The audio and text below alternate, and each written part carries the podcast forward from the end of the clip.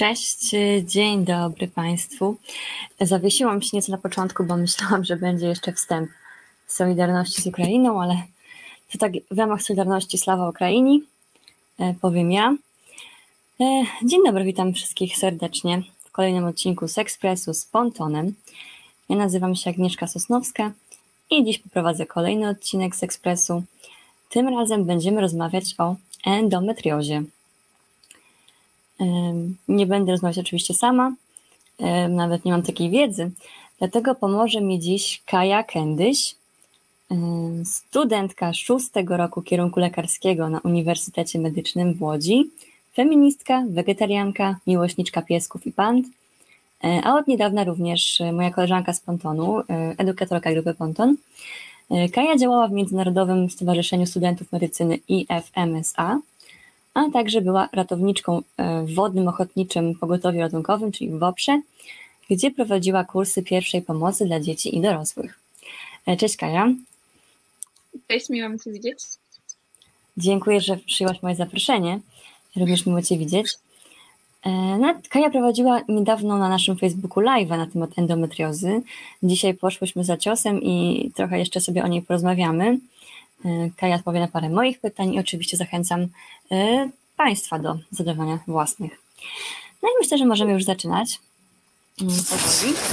No tak dla formalności, mimo że niedawno był ten live. E, powiedz Kaju, czym jest endometrioza? Co to jest za choroba? Uh, Okej. Okay. Uh, endometrioza to przede wszystkim mm, zacznijmy może od tego, czym jest endometrium, żeby wiedzieć, czym jest endometrioza. endometrium to jest element macicy, taki naturalny element macicy, który e, fizjologicznie w niej występuje, to jest ta błona, która ją wyściela od wewnątrz.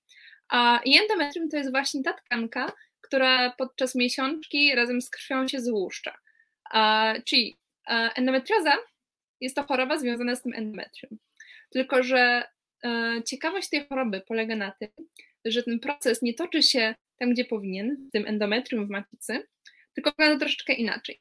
Dlatego, że podsta- ideą tego, jak działa ta endometrioza, jest fakt, że te ogniska, zamiast znajdować się w, tylko w macicy, tam gdzie powinny, pojawiają się w różnych innych miejscach w ciele. W, jest to w sposób troszeczkę dla nas jeszcze niezrozumiały. Teraz, żeby zrozumieć w ogóle, na czym polega ta choroba, to musimy też wiedzieć, jak działa cały cykl menstruacyjny. A więc może słowem wstępu króciutko o tym opowiem. A oczywiście cykl menstruacyjny możemy podzielić na część jajnikową i część endometrialną. No i z oczywistych względów e, skupimy się teraz przede wszystkim na tej części e, endometrialnej. One są ze sobą generalnie połączone, dlatego że mm, odpowiednie momenty, elementy cyklu jajnikowego odpowiadają odpowiednim elementom e, cyklu endometrialnego, dlatego że one reagują w tej samej chwili na odpowiednie e, zmiany w poziomie hormonów. Więc one są do siebie analogiczne, chociaż e, objawiają się może troszeczkę czymś innym. Natomiast całość obrazu e, cyklu miesiączkowego jest efektem współdziałania tych dwóch, tych dwóch cykli. Więc mówiąc już o cyklu endometrialnym, to cały cykl oczywiście trwa około 28 dni ale też nie jest to standardowa, standardowa i sztywna liczba. Jak większość osób, które ma, menstru, ma przyjemność tą wątpliwą menstruować, to te cykle potrafią być różne. Dla niektórych jest to 25 dni, dla niektórych jest to 32 dni, a dla innych raz jest 27, a raz 31 i zazwyczaj ta miesiączka pojawia się w momencie, kiedy się nikt jej nie spodziewa. Troszeczkę tak jak, e, tak jak zima w Polsce. Nigdy nie można być na nią w pełni przygotowany. No i tak, e, cały cykl zaczyna się w momencie właśnie menstruacji. To jest e, ten taki start. To jest faza pierwsza, czyli faza miesiączkowa. I znowu, trwa ona różnie w zależności od, e, różnego, od każdego organizmu. Książki nam potrafią powiedzieć, że to jest od 1 do 5 dni, ale jak trwa to 7 dni, to też jest ok, jak trwa to 2 dni, to też jest ok. Jeżeli nie towarzyszą temu żadne inne objawy ani problemy, to sama ta długość nie ma dłuższego znaczenia, chyba że trwa na przykład dwa tygodnie, no to wtedy już e, zaczyna się robić trochę dużo. Ale generalnie 7-8 dni nawet u niektórych osób, szczególnie jeżeli te krwawienia pod koniec nie są już mocne, tylko to bardziej jest takie plamienie, to to jest w 100%, w 100% normalne. Um, I jak tylko skończy się miesiączka, to wchodzimy w drugą fazę cyklu endometrialnego. To się nazywa faza proliferacyjna. I ona kończy się w punkcie owulacji. A owulacja występuje tak mniej więcej w środku całego cyklu. Więc jeżeli bierzemy sobie nasz standard, nasz 28-dniowy cykl, taki książkowy, idealny, to owulacja powinna wypaść 14 dnia. Mm, I jest to oczywiście jakby faza jednodniowa, tak? To jest, on jest najkrótszą fazą jednodniową. Natomiast cały cykl domyka faza e, sekrecyjna.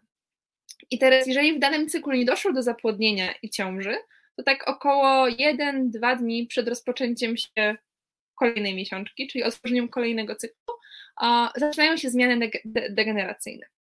I te zmiany degeneracyjne polegają mniej więcej na tym, że pośród innych również procesów oczywiście, ale tak skrótowo mówiąc, to polega to na tym, że dochodzi do skurczu tętniczek, czyli naczyń krwionośnych, które doprowadzają krew do endometrium.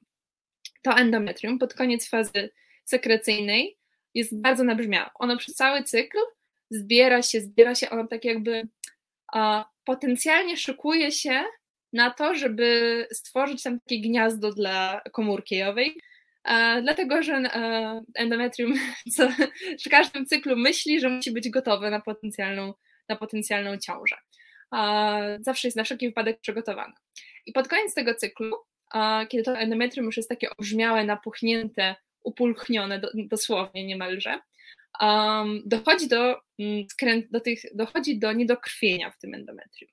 Tętniczki się skręcają mocno, zamykają, no i dzieje się martwica powoli. Nie, nie dopływa gdzieś krew, to przestaje ta tkanka żyć. I to endometrium powoli zaczyna nam umierać i złuszcza się. I to właśnie jest nasza wydzielina menstruacyjna, która potem mm, przechodzi w kolejny cykl.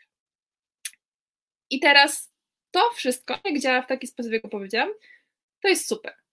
Ma to swoje oczywiście minusy, jeżeli chodzi o komfort życia, natomiast tak działa fizjologia i to oznacza, że wszystko jest w porządku z organizmem, a wszystko ładnie działa. Tylko teraz chciałam, żebyście sobie wyobrazili, że to, co właśnie Wam powiedziałam o endometrium, które znajduje się wewnątrz macicy, to dokładnie cały ten sam proces będzie się wydarzał w tych ogniskach endometrium znajdujących się w niestandardowym miejscu. Czyli powiedzmy, jak kawałek endometrium to ognisko znalazłoby się na przykład na jelicie grubym.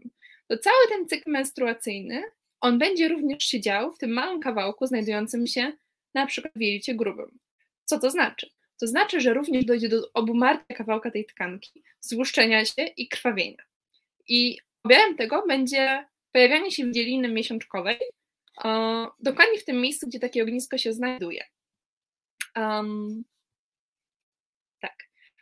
Więc lokalizacja takich zmian może być naprawdę przeróżna. Um, najczęściej znajdują się one y, w okolicy tego swojego naturalnego środowiska. Czyli na przykład w macicy, ale w nie tym miejscu, w którym powinno być. Dlatego, że jak powiedziałam, endometrium powinno nam jakby wyścielać macicę od środka, tak jakby ją obłożyć e, od wewnątrz. Natomiast głębiej macica zawiera tkankę mięśniową. I o endometriozie mówimy już wtedy, kiedy endometrium zamiast tylko znajdować się tam, gdzie powinno, jako ta wyściółka, zaczyna nam jakby wsuwać się pomiędzy te blaszki mięśniowe i zaczyna być wewnątrz macicy. A wewnątrz tkanki mięśniowej macicy, czyli tak jakby głębiej po prostu. Jak mamy tutaj środek, to ono się tak na zewnątrz od środka wysuwa. Um, i, tam może, I tam często się znajduje, to jest najczęstsza lokalizacja takich zewnętrznych ognisk endometrium. Uh, innym typowym miejscem jest również jajowód połączony bezpośrednio z macicą, czy jajnik, który przez po prostu bliskość anatomiczną i funkcjonalną jest również uh, połączony uh, z, z, z, całym tym um, obszarem.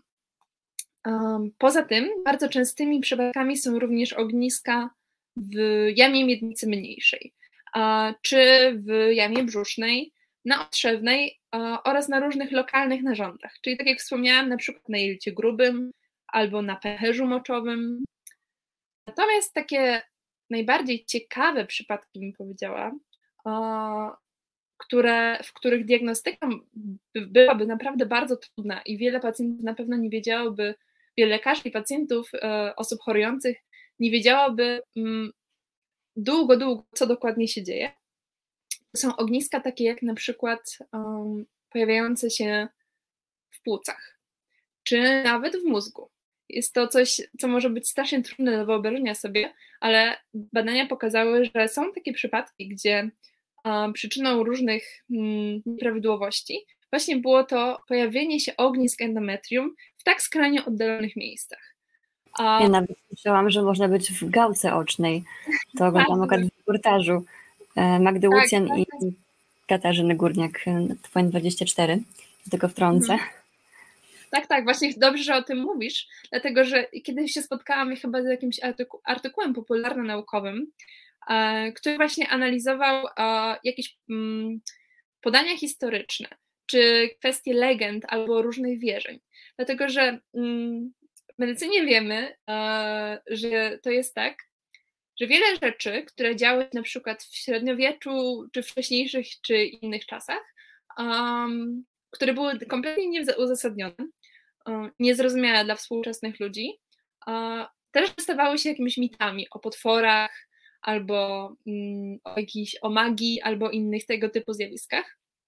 Natomiast e, z czasem dowiadujemy się, że tak naprawdę to mogły być po prostu pewne choroby, które e, są rzadsze lub mniej rzadkie, natomiast e, nieznajomość tego powodowała, że ludzie wymyślali, wymyślali jakieś uzasadnienia które często były właśnie bardzo przerażające. I takim typowym przykładem są oczywiście e, wampiry, e, gdzie na pewno miało to jakiś po prostu związek z różnymi rodzajami anemii, czyli po prostu zaburzeń w działaniu e, krwinek czerwonych, funkcjonowaniu krwinek czerwonych.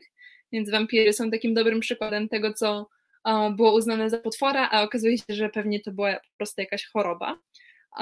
Natomiast jeżeli chodzi o endometriozę, spotkałam się właśnie z takim artykułem, który e, twierdził, że może te wszystkie opowiadania na przykład o płakaniu krwawymi łzami albo mm, tego typu sytuacjach, to mogą być właśnie te ogniska endometriozy na przykład, które znalazły się w, tak jak powiedziałeś, w gałce ocznej, prawda? Czyli w takim zupełnie nietypowym, zupełnie niewyobrażalnym wręcz miejscu.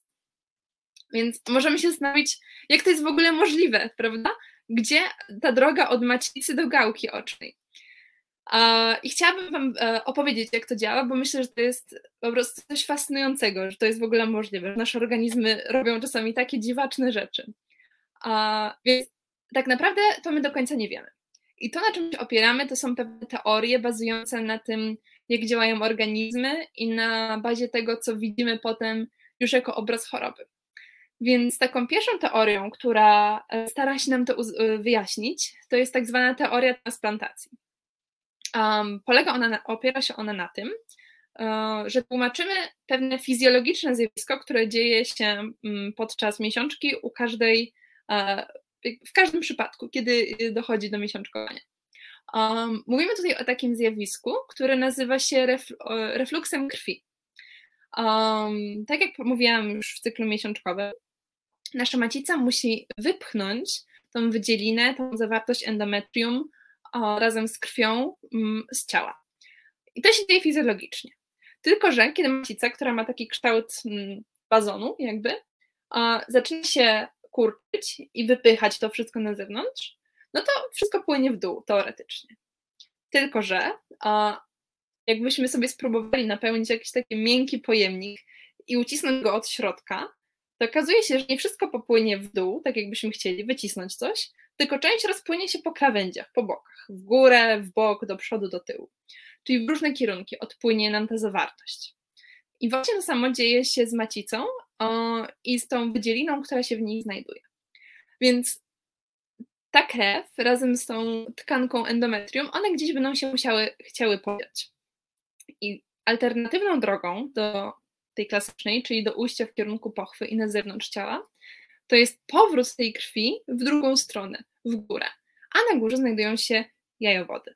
Czyli kiedy macica mocno się kurczy, wypycha nam tą krew na obwód, to nie wszystko trafi nam mm, w dół grawitacyjnie do pochwy, ale część krwi pójdzie w tak niefizjologicznym, wstecznym kierunku. Skieruje się w stronę jajowodów. No i teraz te kawałki macicy, te kawałki endometrium przepływają sobie przez jajowy, przepływają, przepływają, ale w pewnym momencie zabraknie tej mocy przepływu. I one wtedy zostaną w tym miejscu, w którym się znalazły. Nie dadzą rady się już cofnąć, dlatego że dochodzi do różnych mm, skurczów tej mięśniówki w lewo, w prawo. One po prostu w pewnym momencie opadną i tam nie będą się już chciały ruszyć.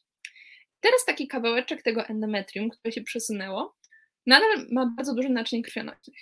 I kiedy ono opadnie w tym miejscu, na przykład w jajowodzie, ono może tam zacząć wrastać. Tak jakbyśmy zasadzili ziarenko um, jakiejś rośliny w ziemi. Dokładnie to samo się dzieje, jeżeli chodzi o endometrium. Uh, więc przyrasta ono na przykład w tym jajowodzie i ponownie odżywa. Zaczyna sobie rosnąć, rosnąć do pewnego etapu, no i kiedy przychodzi kolejny cykl miesiączkowy, pewien kolejny, bo nie, niekoniecznie to się wydarzy już w najbliższym, ale kiedy przychodzi pewien kolejny cykl miesiączkowy, to to endometrium zaczyna tak samo reagować na hormony, jak normalne endometrium znajdujące się w jamie macicy.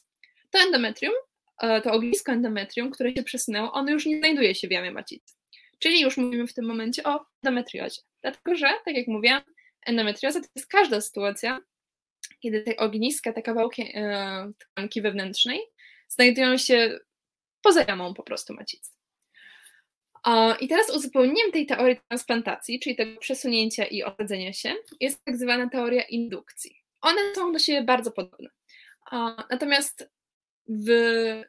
różni się ona tym, że wytłumacza, on potrafi nam wytłumaczyć tę sytuację, kiedy endometrium osadza się w tych dziwnych lokalizacjach. Tak jak właśnie wspomniałyśmy wcześniej, tych odległych, czy tych po prostu zupełnie nietypowych. No bo budowa jaj, jajowodu jest dosyć podobna do budowy macicy, więc jest to całkiem zrozumiałe, że skoro ono się tam przesunie, to może jakby chętnie wróci do życia, bo środowisko jest bardzo podobne. Natomiast chciałam przypomnieć, że o, jajnik nie jest połączony z jajowodem bezpośrednio. Jak mamy jajnik, tutaj powiedzmy, to on połączony jest z jajowodem w taki sposób, że ten jajowód jakby takimi strzępkami tak go trochę przykrywa. Natomiast jest jakby pewna jama między jajowodem a jajnikiem. Taka pusta jama, która po prostu, mm, w której nie ma żadnej tkanki. Tak? To nie jest po prostu zszyte ze sobą tak jak żołądek z przełykiem, że bezpośrednio, że nic tam się nie wydostaje. I właśnie kiedy ta krew cofa nam się przez jajowód, to czasami jest jej na tyle dużo, albo ten, te skurcze mięśniówki były na tyle silne, że wydzielenie nie zostanie tylko w samym jajowodzie, ale pójdzie nawet dalej. Czyli dotrze do tych strzępków i na przykład osiądzie na jajniku. Ale jak osiądzie na jajniku, to może popłynąć nawet jeszcze dalej. Czyli spłynie na przykład w dół tej jamy, jamy miednicy mniejszej i pojawi się na okolicznych narządach, takie jak pęcherz, czy jelito grube, czasami jelito cienkie, różne, różne lokalizacje. Um, no i um, co wtedy? Dlatego, że to środowisko jest już zupełnie inne. Tam tkanka już nie jest taka sama jak w macicy, nie jest taka sama jak w jajowodzie. I teraz teoria indukcji mówi o tym, że kiedy te komórki endometrium pojawią się mm, na przykład przy komórkach nabłonkowych, które, e, które nam stanowią ściany na przykład pęcherza, to komórki endometrium zaczną nam stymulować to lokalne środowisko i przekształcać to, co jest wokół niego, w taką bliźniaczą tkankę endometrium. Czyli po prostu zmienia środowisko, przy którym się znajduje, tak żeby ono się upodobniło do tego endometrium. Czyli najpierw sobie przyrasta, zaczyna sobie tam odżywać, ale nie kończy tylko pracy nad tym, również zaczyna się rozszerzać przez to, że indukuje te komórki, które znajdują się obok, do tego, żeby przypominały tkankę endometrium. Natomiast myślę, że endometrioza jest o tyle specyficzną chorobą, że w, pewny, w pewien taki nietypowy sposób przypomina trochę mm, działanie nowotworów. Czyli polega, mam tutaj na myśli to, o, mam tutaj na myśli przerzuty nowotworowe, czy, przerzut, czy to przenoszenie tkanki endometrium. Proces jest generalnie bardzo podobny. No bo teraz cały czas mówiłam o, cały czas o tym, że nowy płynie przez jajowód, trafi w okoliczną tkankę, przyrośnie. Ok, jesteśmy w stanie to sobie wyobrazić. I cały czas z tyłu głowy można mieć, no ale co z tym właśnie mózgiem, co z tą gałką łączną, jak to się tam wzięło? No przecież to jest kompletnie absurdalne. I teoria mówi o tym, inna, że po prostu niektóre te komórki endometrium, jak to sobie krążą po tych lokalnych tkankach, potrafią zostać wchłonięte przez układ krwionośny, czyli limfatyczny, który rozchodzi się po całym ciele. I dlatego porównuję to do nowotworu, bo dokładnie to samo dzieje się w nowotworach. Jak jest, występuje na przykład ognisko raka płuca, można mieć przerzuty na przykład w kręgosłupie. I nie chodzi o to, że one znajdują się blisko siebie, tylko chodzi o to, że ta taka żywotna, um, rozmnażająca się tkanka, kiedy trafi do naczyń krwionośnych, to tymi naczyniami może sobie przepłynąć dowol, do dowolnego miejsca w całym ciele, które jest z takim naczyniem połączone. I to samo dzieje się przy endometriozie, teoretycznie. Czyli kiedy trafia do naczynia krwionośnego, to ona może tym, tą rurą, tym jakby pędem naczyniowym dopłynąć sobie do innego miejsca. No i cały ten proces osiadania, wzrastania, kopiowania, e, kopiowania się na o, otoczenie dzieje się w tym samym miejscu. Mam nadzieję, że jasne jest to, co mówię, bo wiem, że to będzie trochę przytłaczające. Jakby co to proszę pytać w komentarzach. A y, powiedziałeś o nowotworze, więc do tego nawiążę. Znowu będę się opierać o ten reportaż, który oglądałam. E, nazywał się, nie pamiętam jak się nazywał, albo o endometriozie na pewno w TVN24. E, mhm. Autorkami były Magda Łucjan i Katarzyna Górniak, przypominam. Potem, na pod, potem z autorkami reportażu był jeszcze oddzielny wywiad na ten temat, też w ramach tej samej stacji. Katarzyna Górniak powiedziała wtedy, że rak jest bardziej uduchowiony. Nikt nie mówi o sobie z nowotworem, że przesadza w swoim bólu. Nikt nie ośmieli się jej powiedzieć, że wymyśla swojego raka. Choroby onkologiczne są w Polsce otoczone milczącym szacunkiem. Mm, tymczasem rocznie w Polsce na nowotwory złośliwe, złośliwe choruje 260 tysięcy osób. Pilnej operacji endometriozy wymaga natomiast 300 tysięcy kobiet. Mimo to kobietom chorym na endometriozę odmawia się uznania ich stanu i zwykłego szacunku. Do podejścia e, lekarskiego jeszcze myślę dojdziemy później, a ja chciałam zapytać może bardziej od strony pacjentki, jakie są objawy w takim razie endometriozy dla samej pacjentki? Jak mhm. organizm to odczuwa? Czy są to jakieś objawy związane z miesiączką właśnie? E, no, jak to w ogóle wygląda? Objawy endometriozy potrafią być bardzo różne, dlatego że w zależności od tego, gdzie to ognisko się pojawi, to tam pojawią się te objawy. Ale ponieważ najczęstsza lokalizacja jest bliską lokalizacją, to te objawy w pewnym momencie zaczynają się grupować. I teraz okazuje się, że z tych pacjentek, które zgłaszają się do lekarza, to w pewnych dwóch grupach okazało się, że 50% przyczyn tych dwóch grup to, są, to jest właśnie endometrioza. I pierwszą z tych grup to są pacjentki, e, osoby, które zgłaszają się do lekarza z powodu tak zwanego e, zespołu bólowego miednicy mniejszej. I co to jest zespół bólowy miednicy mniejszej? Generalnie polega to na tym, e, że po prostu cykle miesiączkowe są bardzo, bardzo bolesne. Miesiączka, okres generalnie nie jest fizjologicznie może powodować pewne dolegliwości bólowe, pewien dyskomfort, czy zdjęcia, biegunki. Przez to rozpulchnianie się macicy, takie lokalne objawy związane z pewnym uciskiem, bolesnością, dyskomfortem mogą się pojawiać. Natomiast w momencie, kiedy ten ból wyklucza nas z funkcjonowania, kiedy powoduje, że przez kilka dni zwijamy się z bólu na podłodze, nie działają żadne leki, nic nie pomaga, nie jesteśmy w stanie pracować, myśleć, funkcjonować, jeść, to powinniśmy się zacząć zastanawiać, czy to nie jest przypadkiem coś, coś nie jest przypadkiem nie tak, prawda? Człowiek nie powinien być, nie móc funkcjonować. To nie jest normalne, że tak cierpimy i że coś tak boli. Więc, a, więc okazuje się, że 50% osób, które zgłaszają się do lekarza z takimi objawami, dowiadują się, że ich przyczyną tych objawów jest właśnie endometrioza. Więc pierwszą grupą objawów to jest po prostu pierwszym objawem, takim bardzo dużym, to jest ten nawracający ból.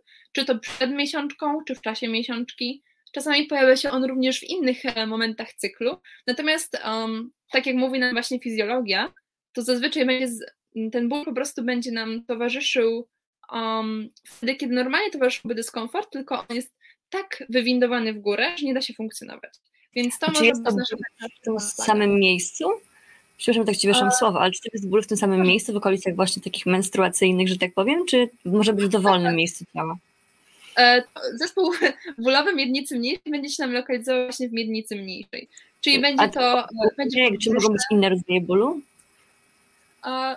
Raczej to będą te typowe lokalizacje, takie jak się odczuwa w tej fizjologicznej miesiączce, czyli bardziej podbrzusze, czasami pewnie będzie sięgało trochę, trochę wyżej, czasami będzie to okolica kręgosłupa, ale też odcinka lędźwiowego, tam nisko po prostu, czyli tam, gdzie jakby znajduje się macica. Jeżeli ten ból zacznie nam się pojawiać na przykład w okolicy żołądka, to raczej już, e, raczej nie tędy droga. To znaczy wszystko jest możliwe, tak jak mówiłam, może się okazać, że takie ognisko endometriozy znajduje się po prostu na przykład w żołądku. Więc e, to nie jest tak, że to nam kompletnie wykluczy. Natomiast e, prawdopodobieństwo jest dużo mniejsze i raczej jakby te bóle lokalizowały się właśnie wysoko w nadbrzuszu, w okolicy żeber na przykład, to ja myślę jako pacjentka, czy z drugiej strony jako na przykład lekarka pierwszego kontaktu, najpierw sugerowałabym szukanie czegoś z tej specjalizacji, mimo wszystko, bo chodzi po prostu o to, żeby jak najszybciej doprowadzić do rozwiązania problemu bólu. Więc e, ma, endometrioz, e, takie silne objawy w tym miejscu, jeżeli chodzi o endometriozę, byłyby bardzo, nietypo, bardzo nie byłyby częste po prostu. To byłoby małe prawdopodobieństwo, że to akurat byłaby endometrioza. Um, więc opowiem może o tej drugiej grupie objawów. Chyba, że masz jeszcze jakieś pytanie może do mnie w tym temacie? Na razie nie, na razie nie. Okej, okay. Zawsze jakbyś miała pytanie, to zawsze możesz mi przerwać, bo ja tutaj mogę popłynąć swoimi dygresjami więc w każdej chwili wołaj, jak będzie trzeba. Więc pierwszą grupą to jest zespół bólu miednicy mniejszej. Natomiast drugą bardzo szeroką grupą pacjentek to są osoby, które zgłaszają się do lekarza uh, w związku z problemem z zajściem w ciążę, czyli problem z płodnością. I tutaj też około 50% pacjentek, które nie może zajść w ciążę, nie mogą zajść w ciążę przez to, że uh, chorują na endometriozę po prostu. Ale o płodności już nie będziemy może dzisiaj tak rozmawiać dużo, bo to jest bardzo szeroki temat, bardzo złożony temat i myślę, że on by zasługiwał na swoją własną audycję. Ja też się czuję mm, dzisiaj na tyle przygotowana, żeby o tym wszystkim opowiedzieć, bo jednak jestem studentką, a nie lekarzem i nie pracuję z tym na co dzień, więc żeby opowiedzieć Wam tak bardzo szczegółowo, to musiałabym sobie, e, musiałabym jeszcze doczytać na ten temat. Więc to są dwie takie duże grupy. Natomiast e, z innych objawów, może takich mniej specyficznych, to są również inne nietypowe bóle. Zapytałaś mnie e, o te lokalizacje, więc jeżeli chodzi o zespół bólowy miednicy mniejszej, to tutaj faktycznie e, to będą o takie objawy przypominające miesiączkę, tylko po prostu przypominając normalną miesiączkę, tylko strasznie nasilone, takie do nienośności wręcz. Natomiast e, mogą się na przykład inne, inne objawy które nas mogą naprowadzić na to, że może endometrioza jest przyczyną, to jest na przykład ból przy współżyciu płciowym. Dlaczego tak, coś takiego się wydarzy?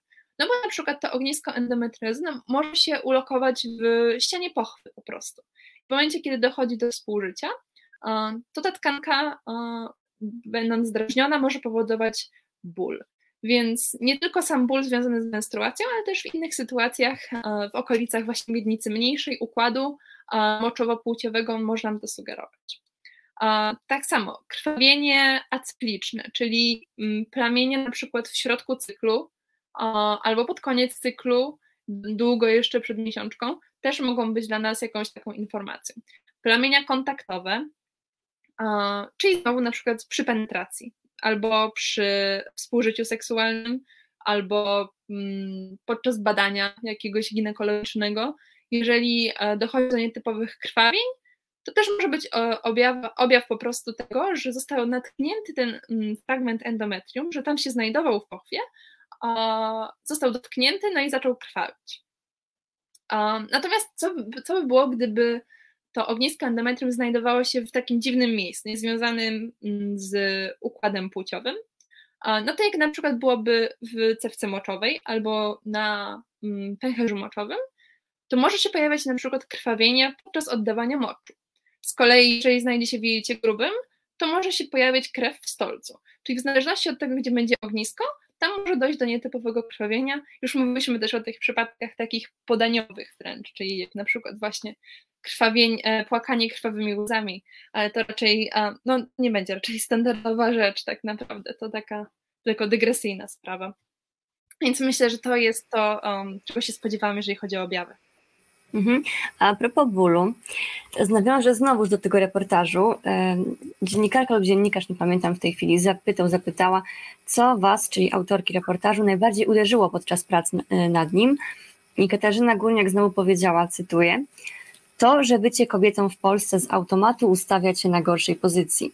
Bardzo często o tym, co możesz, a czego nie, co ci wolno czuć, a czego nie, mówią ci mężczyźni. Bardzo e, mnie uderzyła historia kobiety, która napisała do nas już po, po emisji reportażu. Chodziła do, e, do lekarzy, ale ci nie chcieli wierzyć, że ból, który odczuwa, jest tak silny, że prawie traci przytomność.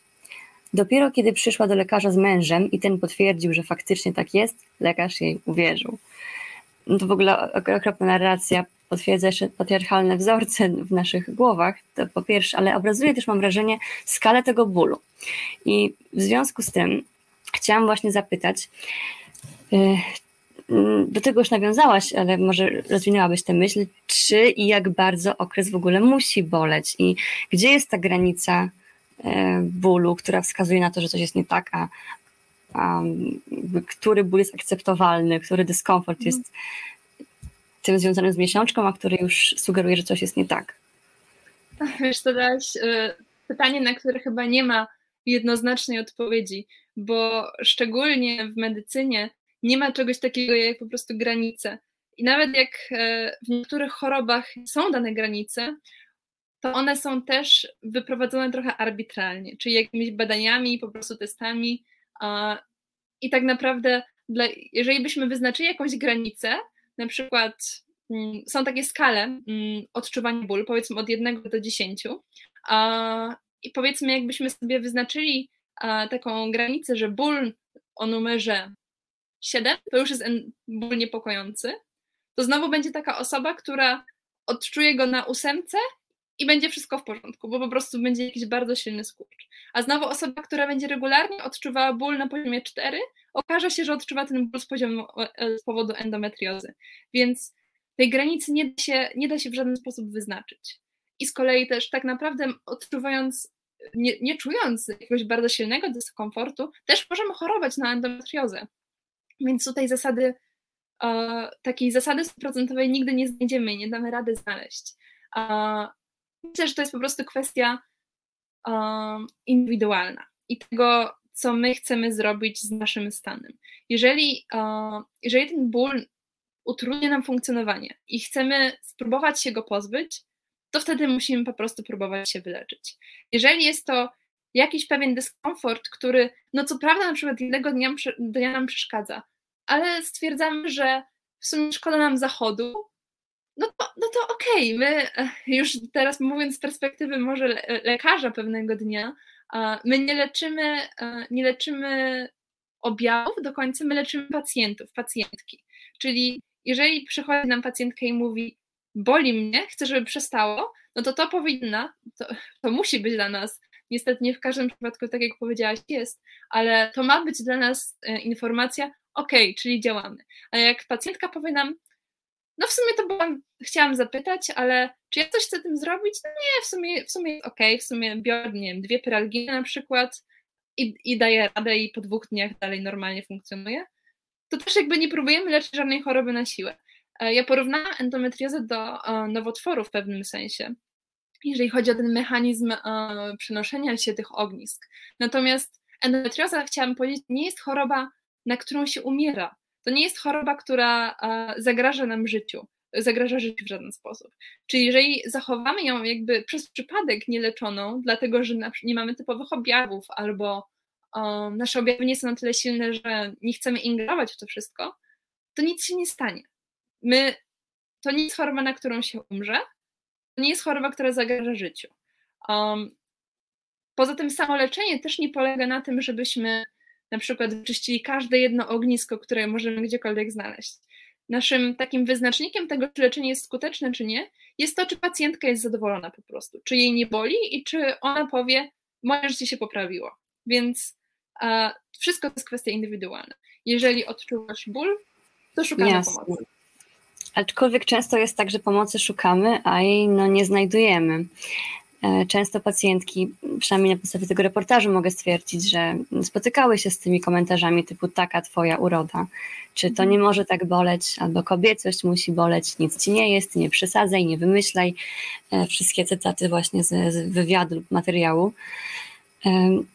Więc po pierwsze chciałam zapytać, skąd to podejście wśród lekarek i lekarzy, że taka twoja uroda? E, jak ty to skomentujesz jako przyszła lekarka właśnie? I czy widzisz jakiś związek między kulturą, taką kulturową akceptacją kobiecego bólu, a procesem diagnostyki, tą ignorancją czasami? Mhm. Ja mam mm, kilka teorii na to, dlaczego tak to wygląda. A nie są one poparte, co prawda, znaczy część jest poparta badaniami, nie powołam się na nie w tej chwili jeden do jednego, bo e, nie tym się zajmuję. Natomiast na pewno z jednej strony taka reakcja na, to, e, na ten ból, szczególnie ból ginekologiczny, to ta reakcja taka mm, ignorująca, która taka zmniejszająca wagę tego problemu, w pewnym sensie na pewno też wynika z tego, że e, w Polsce e, czy w większości świata, jak Europa czy Stany Zjednoczone, jesteśmy wychowani w kulturze judochrześcijańskiej. I czy jesteśmy tego świadomi, czy nie, to jednak większość osób, szczególnie starszych, mm, w wielu, wielu obszarach, takich jak na przykład Polska, ma głęboko zakodowaną informację, że fizjologia kobiety, miesiączki czy ciąży, że to ma boleć, dlatego że na przykład, no tak mówi Biblia technicznie, prawda? Wracamy tutaj do tematu grzechu pierworodnego i tak dalej, i tak dalej. I myślę, że wiele osób nie jest tego świadomych, ale często nasłucha, słuchając tego na lewo i na prawo, że tak ma być, że Bóg tak chciał, pośród tych różnych cytatów, to możemy, wiele osób może nawet nieświadomie czy bez złośliwości po prostu powtarzać ten schemat. Więc myślę, że to jest jakby takie jedno społeczne spektrum. Druga kwestia to powiedziałabym, że myślę bardziej to jest mm, jednostkowa sytuacja. I czasami się zastanawiałam, no powiedzmy, jak przychodzimy do ginekologa, jest to mężczyzna, który nie miał nigdy miesiączki i o tych bólach i o tym wszystkim przeczytał tylko z podręcznika, to że może ta osoba nie umie sobie tak empatycznie wyobrazić po prostu. Taka, taka była moja teoria. No ale co wtedy na przykład z ginekolożkami? Dlaczego podważa wtedy, jakby, dlaczego podważa wtedy wersję pacjentki, skoro nie wie, jakiego bólu można się spodziewać, to powinien chyba wierzyć bardziej na słowo pacjentce. Teoretycznie powinien, ale tutaj znowu myślę, że wchodzi kwestia jakiegoś takiego społecznego uwarunkowania i e, znaczenia patriarchatu też w społeczeństwie, które mówi o tym, że kobieta na pewno histeryzuje, prawda? Jakby spotykamy się z tym non-stop, non-stop, że próbujemy, że próbujemy po prostu przykuć do siebie uwagę, a przyczyna może być zupełnie inna, że ten ból jest realny. I, nie, i pe, oczywiście są pewni pacjenci, którzy symulują albo wyolbrzymiają swoje objawy. E, my dużo pracujemy jako studenci medycyny na różnych oddziałach, najróżniejszych.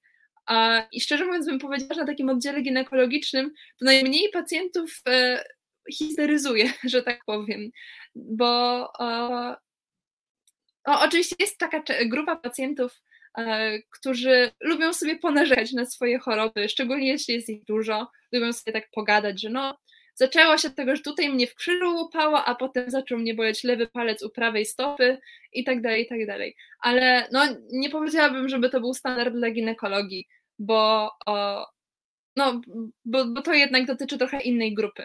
E, ale, ale wracając, więc zastanawiałam się, że okej, okay, lekarz ginekolog nigdy nie spotkał się z bólem jako fizjologiczny, więc może nie potrafi sobie wyobrazić tego bólu jako patolo- kiedy on przechodzi już w patologię. Bo tak jak wszyscy, niezależnie od płci, mamy żołądek na przykład, rodzimy się z żołądkiem i umiemy sobie wyobrazić, co jest wtedy, kiedy nas boli żołądek, tak może osoby, które nie mają macicy, nie potrafią sobie wyobrazić, gdzie jest ta granica. Więc to była moja taka pierwsza myśl. Natomiast co wtedy z ginekolożkami, prawda? No przecież one prawdopodobnie doświadczyły kiedyś y, cierpienia związanego z miesiączkowaniem i powinny usłyszeć, że okej, okay, skoro to aż tak boli, no to mnie tak nie bolało. Tutaj włącza się jakby empatia i przełożenie tego na własne doświadczenie. Myślę, że to jest trochę taki kij, który ma dwa końce, bo um, wiele osób, mm, potrafię sobie pomyśleć, że no skoro ja przez to przeszłam, no to znaczy, że ty też przez to dokładnie przechodzisz. więc po prostu histeryzujesz, no bo mnie bolało i żyłam, więc dlaczego ty mi mówisz, że ciebie boli i nie możesz funkcjonować? Więc myślę, że to jakby jednostkowo sprowadza się właśnie do takiego nieumiejętności empatycznego podejścia do pacjentki, wyobrażenia sobie tego, że po prostu u kogoś jest inaczej niż u nas. Tak? Szczególnie, że tutaj bardzo ważną rzeczą jest to, że po pierwsze o endometriozie nie mówi się często. Czy to w środowisku społecznym, gdzie mówi się o niej już w ogóle bardzo rzadko, czy nawet pośród lekarzy. Tak jak mówiłam, jest to choroba, o której nie do końca mm, nie do końca wiemy skąd się dzieje. Mówiłam o tym, że są pewne teorie, opowiadałam o teoriach tego. Um, I myślę, że lekarze, e, że my nie lubimy teorii po prostu. Lubimy, jak coś jest ładnie udowodnione, bo wtedy wiemy, jak to leczyć. A kiedy to jest tylko na podstawie teorii, to ten temat zaczyna się robić taki śliski, taki trudny tego, żeby go e, ugryźć, zdiagnozować, zająć się nim. Jeszcze nie rozmawiałyśmy o diagnozie, ale to już teraz powiem, że ona też jest bardzo trudna i to jest wszystko takie trochę szukanie igły w stogu siana. I mam wrażenie, że właśnie z tego powodu ten temat jest odpychany, dlatego że jest trudny, jest niejasny, jego leczenie jest trudne, diagnostyka, więc taka jest moja teoria, że może dlatego, dlatego tak często spotykamy y, pacjentki, które mają endometriozę, nie mogą długo, długo trafić na tą diagnostykę i na postawienie, y, postawienie tej diagnozy. Hmm. Tu pani Anna napisała, że chciała właśnie napisać, że wynika to być może z braku empatii. Także mm. nawiązanie do tego, co, co mówiłaś. Mhm. Pewnie tak. się zgadzają. I myślę, że tak aspekt kulturologiczny, społeczny też ma tutaj sporo do, do powiedzenia w tej kwestii. Mówiłaś też o diagnostyce. Ja właśnie wyczytałam w, chyba w tym wywiadzie z autorkami reportażu, że diagnostyka może trwać nawet kilkanaście lub w skrajnych przypadkach kilkadziesiąt lat. Mhm. E, nie wiem oczywiście, nie jestem w stanie stwierdzić, czy to adekwatny czas, czy nie, ale w takim razie może porozmawiajmy o leczeniu endometriozy. Jasne. Jak się ją leczy i czemu w ramach leczenia często proponuje się albo nawet zawsze proponuje się antykoncepcję, e, mhm. plus czy mm, zweryfikuj moją, to co wyczytałam, czy da się to leczyć dietą? Mhm. A co do diety, oficjalne wytyczne za bardzo o tym nie mówią, szczerze mówiąc. Natomiast leczenie dietą to jeszcze jest temat taki troszeczkę też nie do końca poznany znowu, to co powiedziałam przed chwilą, czyli brakuje nam konkretnych badań, które pokazałyby po prostu jednoznacznie wpływ tego na to.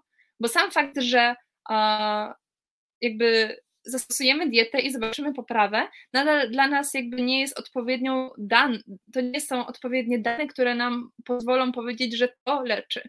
Dlatego, że każdy pacjent jest inny i każdy będzie reagował inaczej. I die, leczenie dietą jest też o tyle trudne, że no po pierwsze nie jest to dokładnie udowodnione w tej konkretnej chorobie, a, a nawet w chorobach, w których jest udowodnione, to jest to um, reakcje organizmów są tak różne, że ciężko powiedzieć o, o, o tym, ciężko po prostu dobrać jakby charakterystyczne na przykład rzeczy, które mogłyby pomóc, nawet w tych przypadkach, kiedy jest to doskonale udowodnione, że dieta pomaga.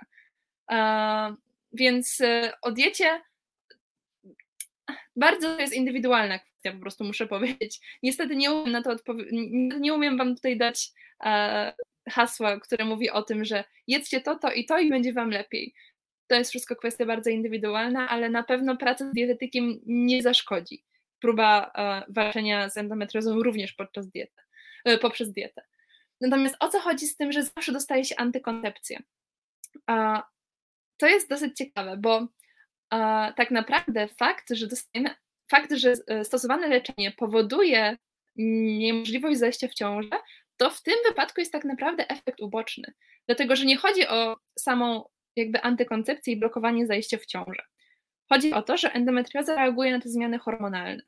I to, czym leczymy, jeżeli chodzi o farmakologię, to jest właśnie zmiana stężenia hormonów. I teraz naszym celem jest zahamowanie tego kurczenia się naczyń i tego wypływania krwi, prawda? No bo do tego się to również sprowadza. To, to również dzieje podczas stosowania leków e, antykoncepcyjnych. Tylko, że kiedy naszym celem jest branie leków antykoncepcyjnych, to to jakby umiarowienie się miesiączki, takie wyciszenie jej trochę, jest efektem ubocznym. A tutaj jest jakby od drugiej strony. Czyli naszym głównym celem jest to wyciszenie tego, tej, fazy, y, tego, tej fazy sekrecyjnej cyklu, fazy menstruacyjnej cyklu znaczy. Natomiast efektem ubocznym jest to, że nie, nie zajdziemy w ciążę. Czyli to nie chodzi o to, że po prostu próbujemy antykoncepcją wyleczyć, że tak powiem, każdą, e, każdy problem ginekologiczny, tylko po prostu e, w większości terapii ginekologicznych jakby efektem ubocznym albo efektem dodatkowym, w zależności od tego, jakie kto ma preferencje, jest to, że się nie zachodzi w ciążę. Więc e, my mówimy antykoncepcja, bo to są po prostu leki, które również działają antykoncepcyjnie. Natomiast jakby celem jest e, hamowanie pewnych hormonów w pewnym momencie i uwalnianie pewnych chorobów w pewnym momencie.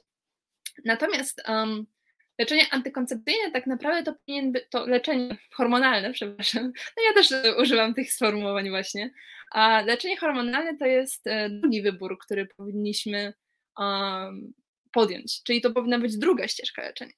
Pierwszą, taką bardziej przyczynową, byłoby leczenie chirurgiczne czyli e, usunięcie tych pojedynczych ognisk endometriozy poprzez zabieg.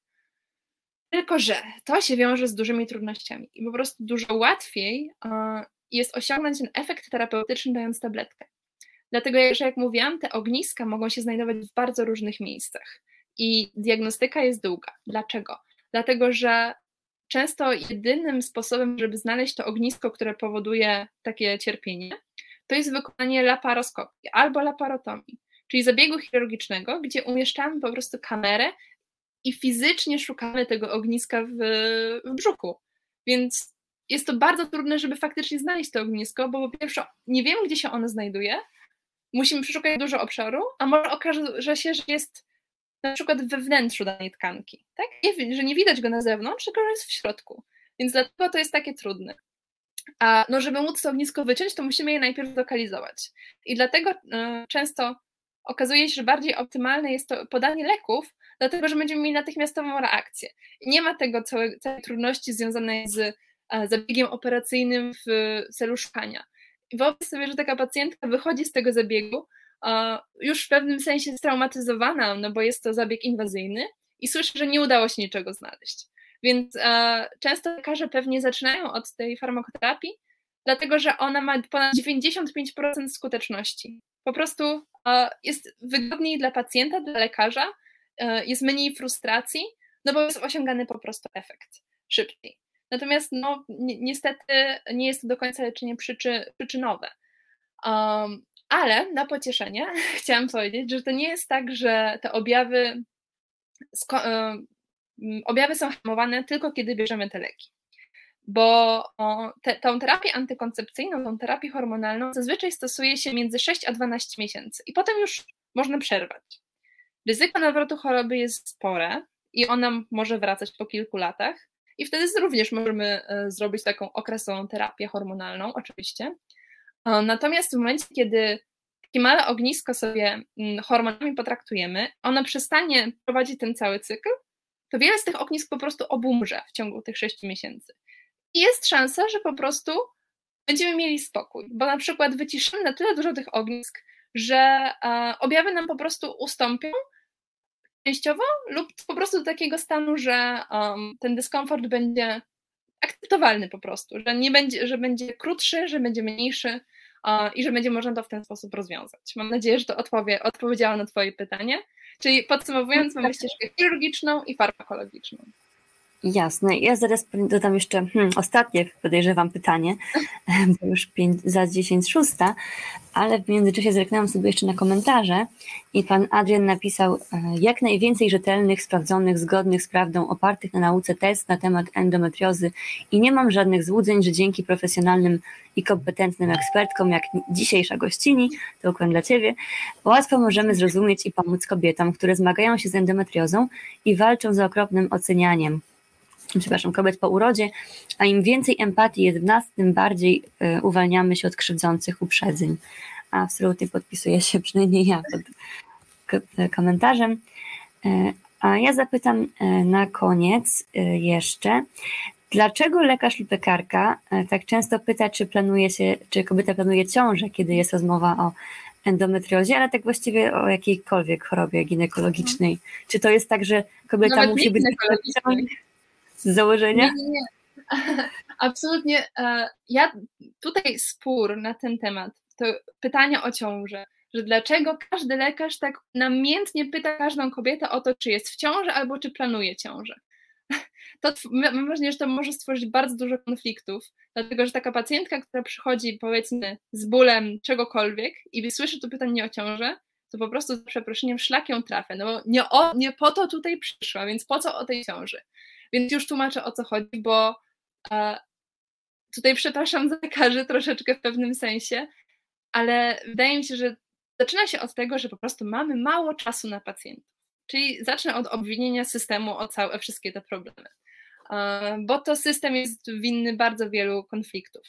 Natomiast e, przez to, że lekarze mają tak mało czasu na pacjenta, to często takie rzeczy, pewne rozmowy po prostu ścinają do pytań tak czy nie, tak czy nie. I nie tłumaczą w ogóle, po co zadają te pytania. A to pytanie o ciążę nie wynika z tego, że my za wszelką cenę, na przykład chcemy uchronić jakiś potencjalny płód, który może potencjalnie już teraz jest w tej macicy lub może kiedyś miałby być, dlatego że ten płód jest najważniejszy. Nie, nie, nie, w ogóle nie o to chodzi. Tutaj nasz celem tego pytania jest właśnie utrzymywanie um, preferencji naszej pacjentki jako priorytetu. Dlatego, że bardzo wiele zabiegów medycznych um, może Mm, może uszkodzić ciążę. I ostatnie to jest coś strasznego. Jeżeli pacjentka jest w ciąży, ale o tym nie wie, a chce być w ciąży, i my swoim działaniem, które będzie w jakiś sposób lekkomyślne, nieodpowiedzialne, uszkodzimy tą ciążę i spowodujemy zaburzenia w rozwoju tego płodu, to my możemy zrobić gigantyczną krzywdę tej pacjentce psychicznie po prostu. Bo przychodzi po pomoc, a wychodzi na przykład z uszkodzoną ciążą i świadomością, że będzie chcia, chciała na przykład mieć dziecko i to dziecko się urodzi chore przez to, że ona była u lekarza. Więc to jest gigantyczna trauma. I my zadajemy te pytania, żeby nie zrobić po prostu pacjentce krzywdy. Dlatego, że um, każdy, każdy powinien mieć prawo do decydowania o swoim ciele.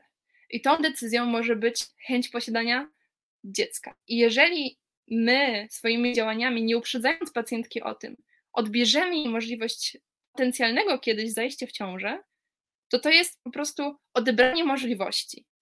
I tutaj temat możliwości odbierania ich jest przedyskutowany od strony temat aborcji. Rzeka. Temat rzeka, dokładnie.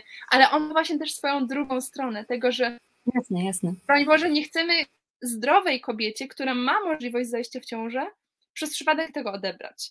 Więc chodzi tylko o to, żeby uchronić tą autonomię tej pacjentki, tak naprawdę. Żeby jej niczego nie odebrać, co ona ma. Tak jak na przykład analogią byłoby. Miło. analogią Miło, byłoby. Przez stronę. To zmierza. E, nigdy nie mamy co tego wytłumaczyć, tak mi się wydaje, i stąd te takie nieporozumienia. Ale analogią byłoby to, że gdyby na przykład dowolny inny organ nasze działania wpływały tak samo, jak mogą wpływać na e, formujący się zarodek, to byśmy pytali o rzeczy z tego organu. Gdyby na przykład e, dowolny lek, na przykład, no powiedzmy, że ciąża to jest taki okres, kiedy wiele leków jest toksycznych. Gigantyczna ilość leków jest toksyczna i nie powinno się ich stosować w ciąży.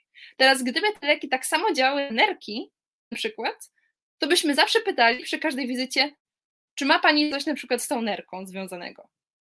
Czyli nie chodzi o tą ciążę, chodzi po prostu o to, że wiele naszych działań jest toksyczny w tej jednej sytuacji i chcemy uniknąć zrobienia krzywdy naszej pacjentce.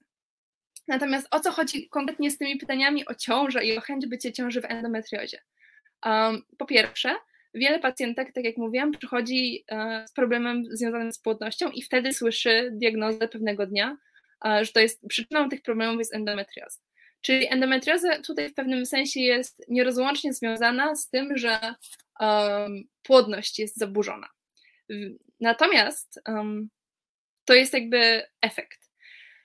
Ale nasze leczenie również może być przyczyną zaburzeń płodności, szczególnie jeżeli wykonamy zabiegi operacyjne. Endometrioza um, lokalizuje się często, tak jak mówiłam, w macicy, w, w jajowodzie, w jajniku. Więc jeżeli my zaczniemy leczenie szczególnie chirurgiczne, to możemy uszkodzić te obszary i również znowu przez przypadek uniemożliwić zajście w ciążę. Więc te pytania nie padają dlatego, że chcemy uchronić ciążę, tak jak mówiłam, tylko nie chcemy odebrać takiej możliwości. I możemy wtedy dostosować leczenie w odpowiedni, odpowiedni sposób. Natomiast po zabiegu chirurgicznym na endometriozie częstym powikłaniem i częstym problemem jest to, że dochodzi do powstania ciąży pozamacicznej, która umiejscowi się w bliźnie po zabiegu. To jest typowe dla endometriozy, że po prostu prawdopodobieństwo ciąży ektopowej znajdującej się w bliźnie znacząco rośnie. I tu nawet jak nie mówimy tylko o tym martwieniu się o ciążę, bo o, wszyscy zawsze martwią się o ciążę, a co z pacjentką? No problem polega na tym, że kiedy dojdzie do ciąży ektopowej, to to jest zagrożenie życia pacjentki przede wszystkim, bo ta ciąża nie ma szansy prze, przetrwania. I tu muszę postawić kropkę niestety, ponieważ zmierzamy do końca. E, bardzo Ci dziękuję, bardzo dziękuję również Państwu. Na koniec może jeszcze podam tylko taki krótki cytat z tego samego reportażu, który też wielokrotnie przytaczałam. E, wypowiedź lekarza, żeby było jasne, na temat endometriozy. Proszę mi wierzyć, jeżeli codziennie albo kilka razy dziennie przeżywalibyśmy ból równy bólowi porodowemu przez ostatnie 15 lat życia, żaden człowiek o zdrowych zmysłach nie wytrzymałby tego emocjonalnie. To powiedział lekarz i niech to będzie puentą, e, że nie histeryzujemy i to nie taka twoja uroda.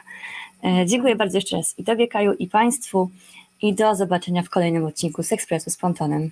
Sława Ukrainie. Dziękuję serdecznie.